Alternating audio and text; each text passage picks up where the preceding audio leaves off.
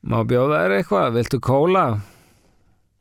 Við enda gangsins var hól sem hafi verið breytt í eins konar setustofu, tveir gamlir og þröngir dimröði rokkokosófar og logandi standlampi með kaugri, öskubakki á fæti. Á veggjum hengu ljósmyndir frá því fyrir tíma ljósmyndunar, sjálenskir herragarðar og jóskar kýr teiknaðar af evrópskri nákvæmni. Ég var alltaf svo litið hugfangin af þessum handgerðu raunsæðismyndum jafn leiðinlegur og þær voru nú því slíkar myndir hafði landið okkar aldrei fengið af sér. Ísland var með öllu ómyndaða land þar til fyrstu ljósmyndaratnir okkar fættust. Korki Íslendinga sögurnar nýja málaratrönurnar höfðu fært okkur myndir af fjörðum og hraunum. Hér á meginlandinu var hins vegar búið að fara yfir hvert tré, hvert einasta löfblað með blíjandi og ætingarnál af rembrandískri nákvæmni. Hvað séru, má bjóða þér eitthvað að vinna, ha, kóla? Endur tók hún. Ég rankaði við mér og tók augun af sveitasælunum og vegginum, aldönskum kornökrum og tjarnarlöndum hernumdum af þýskri ljósaperu. Í játak. Hún kvarfinum dýr sem hún lokaði og eftir sér en byrti svo aftur von bráðar með smáa glerflösku fulla af svörtum vökva. Ég hafði séð fólk teiga svipaðan drikk í tífólíkarðinum. Hún bauð mér að setjast í annan sófan, ég breytti út frá mér skólapilsið dökk blátt á dimm raut en settist sjálf í hinn tilti síkarettu í munstykki og tendraði eld á spýtu.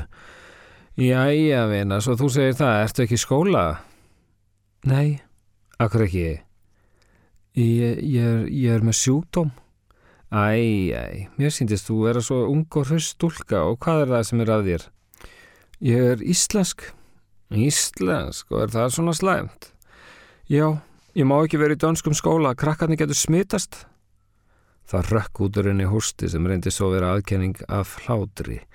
Ég sá nú að á hlýðarborði geimti hún einhverja brúnleita og hóstamikstúru í ljós glitrandi kristalsglasi sem stóð þar á einni löpp af einhvers konar prívat kæti einni saman.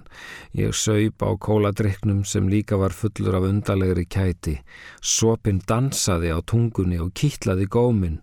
Ég hafði ekki áður drukkið gós og brást við með því að nerra. Svartir drópar frussuðust út úr mér og stenguðu ullargróft pilsið.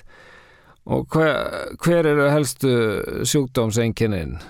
Hún glotti við tönn og greinilegt á orðavalinu að hún hafði einhver tíman gengið inn eftir háskólagangi, jafnvel sestinn í skennslustofu. Sjúkdómsenginni? Já, hvernig lýsir þetta sér? Maður er bara svona einn Einn? Já. Er Íslendingurinn alltaf einn? Já, við erum svo fá. En er ekki betra að vera fágætur en algengur? Nei, þá vilja allir eiga mann. En er ekki meira gaman að vera gull en játn? Það er bara leiðilegt fólk sem vil eiga gull. Gull er heldur ekkert fallegt, það er bara að halda það allir. Er gull ekkert fallegt? spurði hún hissa. Nei, það sem er dýrast er alltaf ljótast og það sem er ókipis er fallegast, segir hver. Amma. Hún þagði og horfi á mig um stund, sótti svo sopa úr glasinu. Ég árætið að súpa aftur á kólanum sem var glettilega gott þrátt fyrir að láta svona ítla í munni. En uh, eru þið ekkert í stríðinu? Nei, við erum með menn í því. Hvaða menn eru það? Englendingar, þeir eru öðruvísi en þjóðverðar, þeir eru með gín, leggjast þér ofan á þig. Hæ? Herrmennitir, leggjast þér ofan á þig. Já, stundum. Er það ekki vond? Stingst ekki bissan inn í þig? Nei, nei, nei, nei, nei. Þeir taka hann af sér fyrst en já, þeir eru nú reyndar með aðra bissu, sagði hún og settist út á varirnar til þess að svíkja þar um glottið sem hlaut að fylgja þessum orðum og mátti herða nokkur um sinnum á þeim stúd. Er það tippið? Hún var orðlaus í sekundur tvær og starði á mig, barðist síðan við hlátur, klemdi saman varirnar, tóbaksreikurinn slapp þó út um nefið og konan myndi nú helst á kurteisan drega sem ekki vill spilla góðu bóði með eldi og eimirju en heldur í sér út í hodni. Já, já, það er,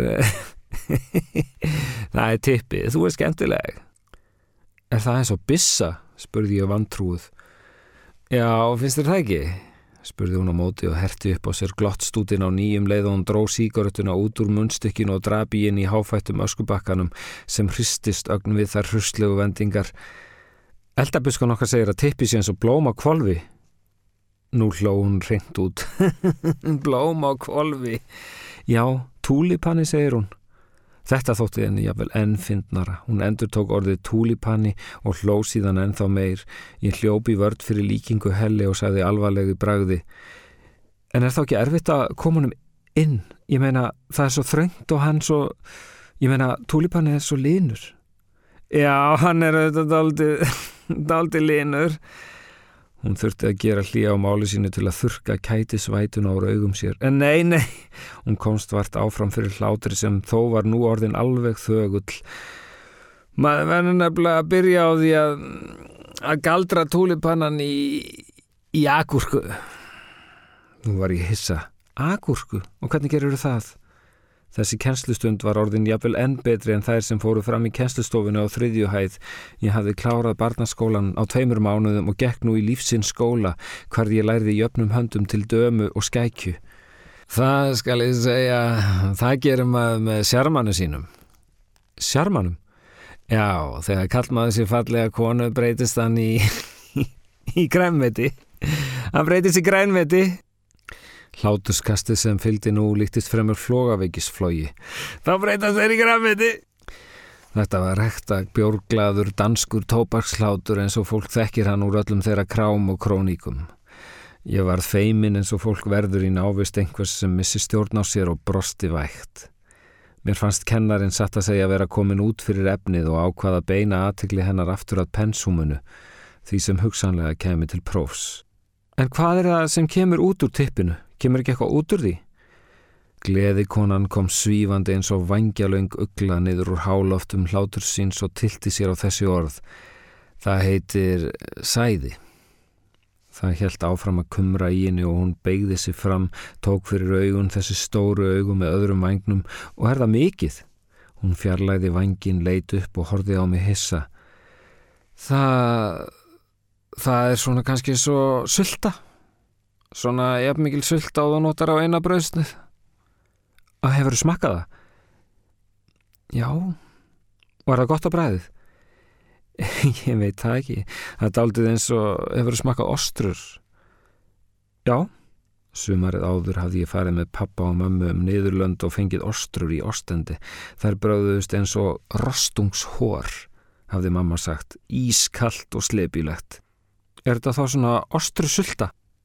Já, svaraði ljósærða konan og hló létt. Öööö, sagði ég og gretti mig. Og samt að þetta búa til börnúrinni.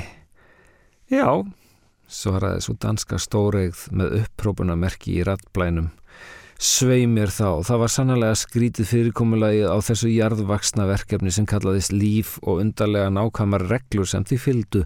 Til að kveikja það þurfti konan að mála varirna rauðar og farið þunna blússu, svo túlipanni erði að agúrku. Hanna þyrti síðan að strokka uns úrkæmi ostrusulta sem þá var sullað yfir ekkið og það litla klaps og látið býða nokkra daga uns andlit tækið að myndast. Ótt þú þá mörg börn? Held ég áfram að spyrja dönsku gleiðkonuna eins og landdreimin útselur sem loksir í stofustættur. Hún heikaði við og rött hennar var komin langt frá hlátri þegar hún loks svaraði Já, tvö. Bara tvö, spurði ég eins og asni. En, annir, en, en, en það koma til því menn á hverjum degi? Ha, káði hún annars hugar. En það koma til því menn á hverjum degi. Akkur áttu þá samt bara tvö börn? Hún starði á mig undurskála augum og þagði gáttuð. Hún gatt valið úr ímsu til að segja en kaus að hafa það einfalt. Nei, ég... Já, bara tvö. Bara tvö börn. Og högti harmur í röttinni. Og eru þau í Silvugötuskólanum? Hjælti ég áfram eins og heimskasta barn heims. Nei. Hún sög upp í nefið. Það hefði stundum þannig að tárin leita fyrst útgöngu í gegnum nasinnar. Þau... Þau eru hjá ömmu sinni út á Amager. Og er þetta gott? Gott, hvað? Að gera svona með tippið? Gott. Hún hugsaði sig um saup á meðalaglasinu og læði frá sér, opnaði síðan hálfgleiðan munninum leið og hún strauk vísifingri eftir neðri barmi vinstra augans, leitt síðan á mig, andvarpaði mig titrandi í kinnaskvapi og sagði Nei. Bætti síðan við á einsóinu Nei, það er ekki gott. Til grátvarnar greip hún sér annan sopa úr glasinu. Af hverju ertu þá að gera það? spurði ég miskunalust. Hún svaraði ekki heldur satað eins og starði fram fyrir sig eins og roskin lestarstjóri sem brunað hefur um löndin allt sitt líf en er skindilega stöðvaður af Guði og krafinn svara um tilgang lífsins.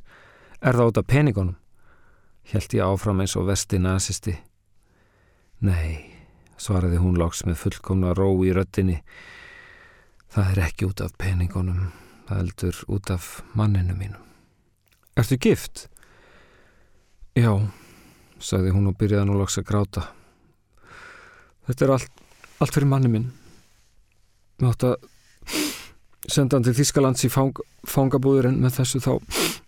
Gráturinn magnaðist undir ræðu hennar og listi úr haldi tilfinningar sem mánuðum saman höfðu þóvast þægar um í búrum sínum. Hann, hann fær, hann fær góðan mat Tárin teimdu aukskugga niður kinnar, gerðu bláa rönd í vangapúðrið sem fyrir vikið varð kvítfölduð og skeifulögun munnsins gerði varalitinn trúðslega tragískan. Allt í hennu voru öll hennar miklu færunar virki fallin og myndarleg kona orðinað einni holdsins hrúu með áklastu hári. Allt fyrir mannum minn, heyrðist mér hún hrópa í gegnum grátmúrin. Hún var þá engin vennilegu búksali heldur stríðsfornarlamp og kannski var hún einmitt hinn sanna ansbyrnur reyfing, kona sem varðist hernámsliðinu á þann eina hátt sem hún gat, bjargaði mannslífið með sjarmanum. Hún hætti jafn snögt að gráta og hún hafi byrjað að hlæja og varð skindilega mjög reið, horfi á mér ströng og skipaði mér að hypja mig út og þessa sögu ætti ég og mætti engum segja Hvað væri ég annars að þvælast þetta inni hjá henni? Íslenskur krakka gopi sem ætti auðvitað að vera í skóla. Það væri engin afsökun að vera frá kaldu landi og engin afsökun heldur að nú væri stríð. Hér geysaði alls ekkert stríð. Hér væru engir bardagar, nánast engin hætta á ferð. Er ekki einhver íslenskur skóli fyrir þig? Þú lítur að geta gengið í einhvern íslenska skóla? Nei, ég er ein, eini íslenski krakkin sem er eftir í Európu. Við vorum komnar áleiðist að dyrunum og reyðin virtist magna með henni ilmas ilmin sem yrðist yfir mig úr óreiðu hári hennar og barmi sem nú var ekki lengur hulun silki heldur aðeins húðlitum stríðsára höldum þar sem sloppurinn var laus úr mittislindanum og hjekk með síðunum eins og leiktjöld sem hanga hvort sínu megin við mikinn harmleik. Helvíti svillesa, ég hlust ekki á svona ruggl, út með þig! Þú átti ekkert með að nýsa svona í engamál fólks, út seg ég! Skóladaskan? Kvakaði ég á móti. Já, hvar er hún? Eftir hún eins og trítil óð kennslukona. Á þess að svara skust ég aftur ingangin alla leiðin í sofahornið og sótti skólatöskuna leður pung sem strákandi kölluði Þískaland og var reyndar ekki ósipar því í lögun. En áður en ég komst aftur fram gangin ringdi bjallan. Kennslukonan dró saman reyði sína í snatri og batt á hana slaufu með slopps lindanum, reif sig upp að spekli á miðjum gangi og breytti sér hún mannesku í mellu á auga bragði. Ég ferðaðist fram hjá henni með skrjáfi þar sem skólapungurinn ströst við loðið vekkfóðurið. Skólabjallan hringdi aftur og konan kom á eftir mér, brosti til mín kuldalega áður hún opnaði dyrnar og sagði Góðan tag. Fyrir utan stóð ungur framfeitur offitsier á kaldgrænum búningi. Yfirskekkið bylgjaðist eilítið um leið og hann virti mig fyrir sér hugsi. Var þetta A. Dóttir hinnar glöðu konu? B. Yngsti, yðkandi, eldstu sarfskreinar heimsins? Eða C. Næsti maður og undan mér í sæng?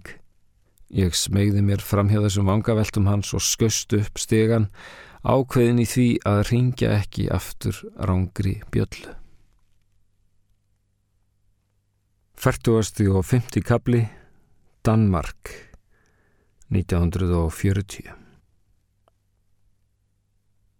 Á leiðinu upp til Anneli opnaðist hins vegar gætt á næstu hæð inn í aðra kennslustofu. Roskin virðuleg kona með gulleita húð og grákvítt hár sem skipt var í miðjus og myndi og ömmu Georgiu spurði hvort ég get ekki gert henni greiða. Farði út í búð með þessa öyra og keft fyrir þá kanilsnúða. Sér langaði svo óskaplega mikið í kanilsnúða. Hún lagði ógnar áherslu á þetta orð kanilsnúða, líkt og hún væri að reyna að baka þá í munni sér. Svo laungunarlega bar hún orðið fram að allt í hennu langaði mig líka óstjórnlega mikið í kanilsnúða. Svo gamla var ófölluð að sjá og útskýrði búðarnennuleysið með því að hún hætti sér ekki út í Þískaland. Sangam þessari rattþýðu kurteisu konu náði hernámið aðeins heima þröskuldi hennar sem hún átilti sínum velskóaða fæti. Hún helt því fram að innan þröskuldar væri enþá til eitthvað sem kallaðist Danmörk. Það fekk svo sem staðist hjá henni, ég sá sem var að gólfið var marflatt og lokni við öllum borðum, lítill danskur fáni haggaðist ekki þar sem hann hjekk á silfur stöng við hliðin á stóru svörtu símtæki. Í raun var þetta land ekki óáþekt því sem danskir smíðuðu síðar og kölluðu Legoland og var sprottið af djúpsálar þörf þeirra til að skapa sér eilíft benskunar föðurland Lille Danmark sem enginn fengi hernumið eða frá þeim tekið. Það er svo aftur rannsóknar efni fyrir fröytistana hvernig á því stendur að allt það stærsta sem Danir eiga er svo smátt í sniðum, leg og land, litla hafmegjan, ljóti andarungin og svo framvegis. Djúft innan úr íbúðinni heyrðist ómur af lægi sem ég þekkti. Það var stemningsmelodí sem amma spilaði stundum fyrir okkur og var auðvitað sungið af Elsu okkar Sigfús en hún var tíður gestur í sendir á spóðunum og hafði meðal annars sungið í hafhúsinu á Skagen eins og lóni frænga. Elsa var stórstjarna á þessum kaupmannahafnar árum en það er nú eins með stjarneríð og ástina hvað mest þú gyrnist fyrst þá fyrnist. Ég skaust út í bakari eftir kanelsnúðum og komst óséð aftur að nummer 6, lætist fram í hurðina á fyrstu hæð og var síðan bóðið inn um dyrnar á annari og fyrst þá áttaði ég mig á því að konan var laun drukkin. Hún síndi mér plötursapp sitt aðeins of lengi og talaði um Else Sifus aðeins of lengi þegar hún komst að því að ég var íslensk og síndi mér svo alla sínar byrðir sem sýstir hennar hafði að mestu borið í hús því sjálf hafði hún ekki hætt sér út fyrir landamæra þröskuldin frá því á hernámsdægin sjö mánuðum fyrr. Mest voru það niðursöðu dósir, kartöblur í pókum, sápustykki, ostar og spægi pilsur, en einni bækur, blöð og ókjör af líkjör. Ég sé það nú að þetta hefur verið indislegt hernám. Hugsaðu þið bara, það er lífshættulegt fyrir mig að fara út úr húsi. Ég er svo impulsív. Ég myndi strax ráðast á Þískan Hermann með veskinu mínu og þá sæti ég í kvöldum klefað kvöldi. Einu sinni var ég átt í kongeli og sagði upphátt, næ, í miðri síningu, bara misti það svona upp úr mér. Var það líkjörsrúsin sem mælti? Að minnstakosti varð þessu illa trúað upp á ofurpenna konu sem reymaði á sig skó til innivistar, strauk hverju möblu sem hún fór hjá með tveimur fingurgómum og lagfærði hekludúk á sofabæki. Hún letti mig inn í eldhús og bauð mér kanilsnúð en einungis halvan þótt ég hefði keift eina sjö. Þetta skýrist litlu síðar þegar hún saðist vera jósk. En hún var indæl og talaði fallega kaupmannahafnar dönsku sem hún hafi lært af manninum sínum. Hann var skipaverkfræðingur en hafði nýlega farist í viðskiptaferð í Pólandi næri ekki dansk. Hugsaði bara, það er til sprengju sem geta sprengt fólk í svo mikla tætlur að það hverfur bara alveg að yfirborði gerðar. Í því tilfelli var ég kannski réttar að tala um að fólk hverfi fremur en degi, að það samsamist guðdóminum. En er ekki til sprengjur sem sprengja stríð, sagði ég með fulla munn. Hún taldi sig sitja hér með sendlabarni, hafði lift glóð heitum tebóllast til heiðurs sínum miklu spakmælum örlitið skjálfhend og sett hitavarnar stút á varirnar um leið og hún sendið þær til móts við rjúkandi bollarönd en orð mín komi í vekk fyrir það sama næði með botla og munni. Hún hikaði stutt og stækkaði gáfuleg en sopa þvegin augun, lagði síðan botlan aftur á undirskálina með ákaflega postulins dönsku, alltaf því konunglegu hljóði. Sprengjur sem sprengja stríð. Já, er ekki hægt að búa til svona fríðarvopn, eða svona, svona fríðarbissur? Já, hugsaði bara, hvernig tól var það nú heldur þið? Hún taldið sem með þessu hafa unnið sér tesópans tóm en enn komst botlin ekki nema halva leið að höfði því nú sagði ég Það var í örglega svona risastór fallbissa sem myndi ekki skjóta 6.000 sólskríkjum í einus og óvinninni myndu ærast af fugglasöng og svo væri líka til svona minnibissur, svona fyririldabissur. Fyririldabissur? Hafði hún eftir mér áfengi streymin og svip og lagði ramheitan bollan aftur á borðið. Ég hugsaði bara. Það vildi ég ætti soliðis og geti skotið úr henni á þískarana sem hanga hér niður á stjett og reykja og meðan þeir býða eftir því að komast upp á hana eh, fyrir ekki upp á fyrstu hæð. Enn og aftur læði botlin af stað. Við skulum ekki dæma hana, hún á mjög bátt, sagði ég eins og lífsreind kona og dæsti. Hæ? Kváði hún og læði botlan aftur frá sér, sopa löst. Hún leifir þeim að koma til sín, svo þeir dref ekki mannin hennar. Hann er í vestafangilsinu. Þú meinir vestrifangilsinu? Er það já? Já, hún er ekki mella, hún er bara manneska. Já, auðvita, hugsa þið bara, sagði hún gul á húðina eins og gráhærður kynveri leit út um elduskluggan hugsi og sagði við sjálfansi, það hefur auðvita hver sína sögu. Svo rangaði hún við sér og leita aftur á mig og hver er nú þín saga litla íslenska telpa? Ég, ég fekk bara hálfan kanilsnúð. Já, já, já, hvernig lætt ég? Þú verður nú að fá aðeins meir en það, sagði hún og tegði sig yfir á eldúsbekkin eftir snúðapokanum. Það var enn fimm og halvur snúður í jónum því sjálf hafði hún fengið sér heilan þótt hann sæti enn óbitin á diski hennar. Hún dró halvan snúðinn úr pókanum og lagði á borðið, stóð síðan upp af stólnum með eilitið víndösuðum hætti og snýri sér að eldurspeknum, greip þar hníf. Ég neytti færis og kom snúðshelmingnum yfir á diskin minn. Í því snýri hún sér við og umbreyttist óvænt í öskur sem erfitt var að koma heim og saman við þetta prúða gula andlit. Nei, þú ætti ekki að fá allan helmingin! Ég rétti úr mér á stólnum og fyldist óttastlegin með henni skera snúðshelmingin í tvent og færa annan snúðsfjörðungin aftur í bakaríspokan. Svona gerir maður ekki, saði hún ögglægra en ég skildi nú betur af hverju hún hætti sér ekki út á meðal þískra, svona líka impulsív. Síðan fekk hún sér sæti og glýmdi um stund við heitan tebóllan. Við þauðum saman þar til ég mannaði mig upp í að klára kanilsnúðs fjörðungin. Já, Auðvitað þurfti maður að færa fórnir á stríðstímum.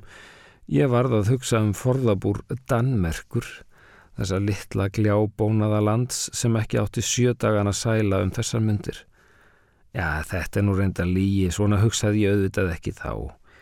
Ég læt þetta ofan í mig núna þar sem ég ligg utan og ofan lífsmýns högar og hef það legunar leifi að mega uppfarta öll mín andartök að hætti þess sem svífur yfir og lítur lífið ofan frá í öllum sínum bútum, velur úr þeim og raðar, svo úrverður heildarmynd af mannesku æfi öld. Síst vil ég ljúa eða sleppa því sem allir sleppa er þeir leggja lífsitt á búðarborð, En svo heildarmynd sem byrtist nú er auðvitað talsvist öðruvísi en ég ímyndaði mér þá þegar ég í óreiðu blindni andartagsins hoppaði puslað pusli þarna niðri á jörðinni, niðri í lífinu, niðri á síðustu öld í stríðinu. Slíkaru forréttindi efstu daga, við sjáum svo vel til allra hinna. Færtuasti og sjötti kabli Tíkar kviður og Guðin ló 2009 Lóa er farin. Skildi hún ekki eftir einhverja matalúru? Jú, þarna er eitthvað. Hvað er þetta? Skýr, grautur? Ég gleymi mér alveg sveimir Sjálfsagt hef ég verið að borða þetta áðan en nú mann ég ekkert hvort ég er enþá svöng. Hvort ég var svöng, segi ég og sé nú orðið mett Ég veit ekkert í minn maga lengur, það rennur allt í gegn Ekki veit ég hvað þessi dagur heitir sem nú lifir á en sjálfsagt stendur hann næri hádegi og ekki er hann nú merkilegt tilefni til að draga andan fyrir. Ég segi það skýrt og skartað eftir því sem nær dregur eldi finnst mér dagarni verða ómerkilegri. Hvað er þetta annað en vinsins glundur sem blasir þarna við í glukkum? Ég lefi mér að ráðast á hann með skætingi þennan kveljugráa heimin og þessi vindeltu tremi sinn tætingslauf sem minna nú bara á horgul og margnótu snítubrif sem sínir manni best hvers konar kvefpest íslenska sumrið er. Ég spíti á þetta drasl sem slegið er upp sem hverstegi fyrir okkur sem munum lífið í sellaljósi en þeirri grámans glöðru sem hráka regnið gefur og fellur af þeim himni sem minnir helst á gráblautan og illalittandi tíkar kvið. Já, það er okkar íslenska hlutskipti að hýrast undir útigangs tíkar kvið. Undir átján tættum spenum sem ekkert gefa þó annað en ískalda óbyrju glæru. Og regn þreyttir trjátopparnir, já. Ég sé vist ekki annað en þá út um gluggana. Þá og þennan lúsuga hundshiminn sem væminn skált hafa asnast til að lofsingja í laungum háskælu bókum um liggjandi fólk eins og það sé heilug skilda íslenskra perrent skælinga að tala vel um landi sitt, þetta hryllubeins hró og veðrana viti. Skamtíma blíðu getur það svo sem hrist fram úr sinni skítu jökul ermi en býður þó oftar upp á slorveður og gorveður og ropar því og fretar út úr sínum sleggjubeins skörðum fí og frundi. Já, reggþreyttir trjátopparnir bukta sig og beigja fyrir kuldastrengnum sem veðuguðinn skamtar okkur í vikulengdum og æðir hér um þög og þjókesti. Hann er og verður okkar eilifi Hitler sem heldur okkur, Guðs útkvöldu þjóð, um aldir innan dyra í okkar einangrunar íbúðum, bölvans kalbjónin.